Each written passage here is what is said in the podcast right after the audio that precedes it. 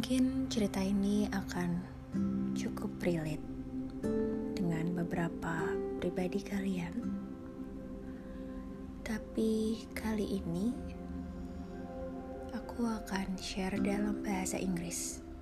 Jadi ini bukan ceritaku, bukan cerita orang yang bagikan ke aku, tapi ini cerita yang aku baca. Jadi ada cerita pendek dari Najwa Zebian. Judulnya This is How Pain Changes You. Oke, kita mulai ya. A few years ago, I was that girl innocently seeing the world as it should be, seeing people as they should be, believing them when they said what they said, giving them chances when they asked for them. Because people make mistakes and good people forgive. Then, when I still had very tiny white wings, life pushed me off what I thought was a cliff. It turned out to be Mount Everest. I didn't know when the fall would end. I didn't know whether I would make it out alive.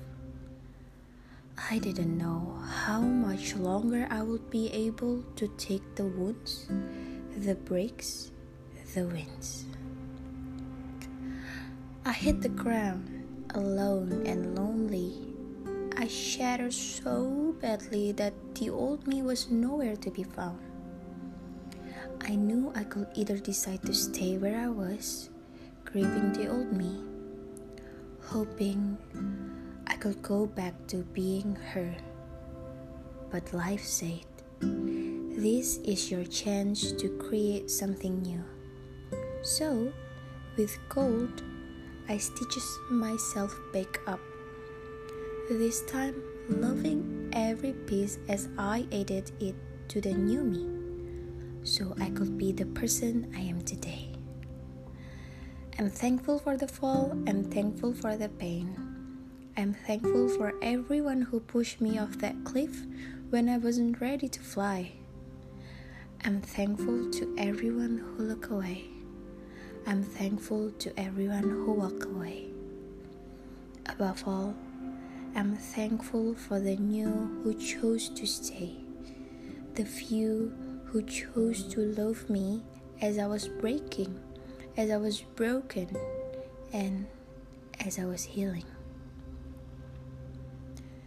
The excruciating pain gave life to some of my best writings, and it gave life to the new me. I wouldn't be who I am today without the pain that ripped me to shreds. And I still welcome pain, but before it comes, I tell it, you have no idea how big and glorious my wings are this time. The coming years will be marked by my rise, and I'm ready to live.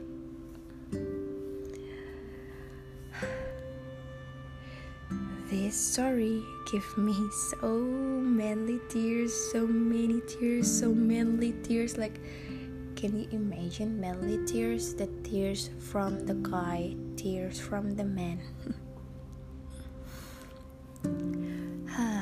Untuk teman-teman,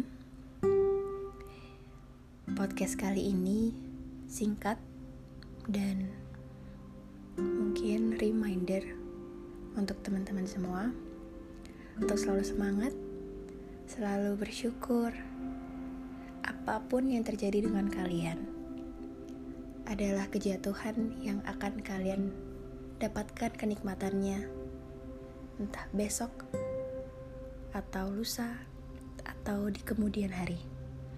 Tapi percayalah, kalau kalian selalu sabar, kalian selalu berpositif thinking, kalian pasti akan mendapatkan hasilnya. Jadi tetap semangat ya.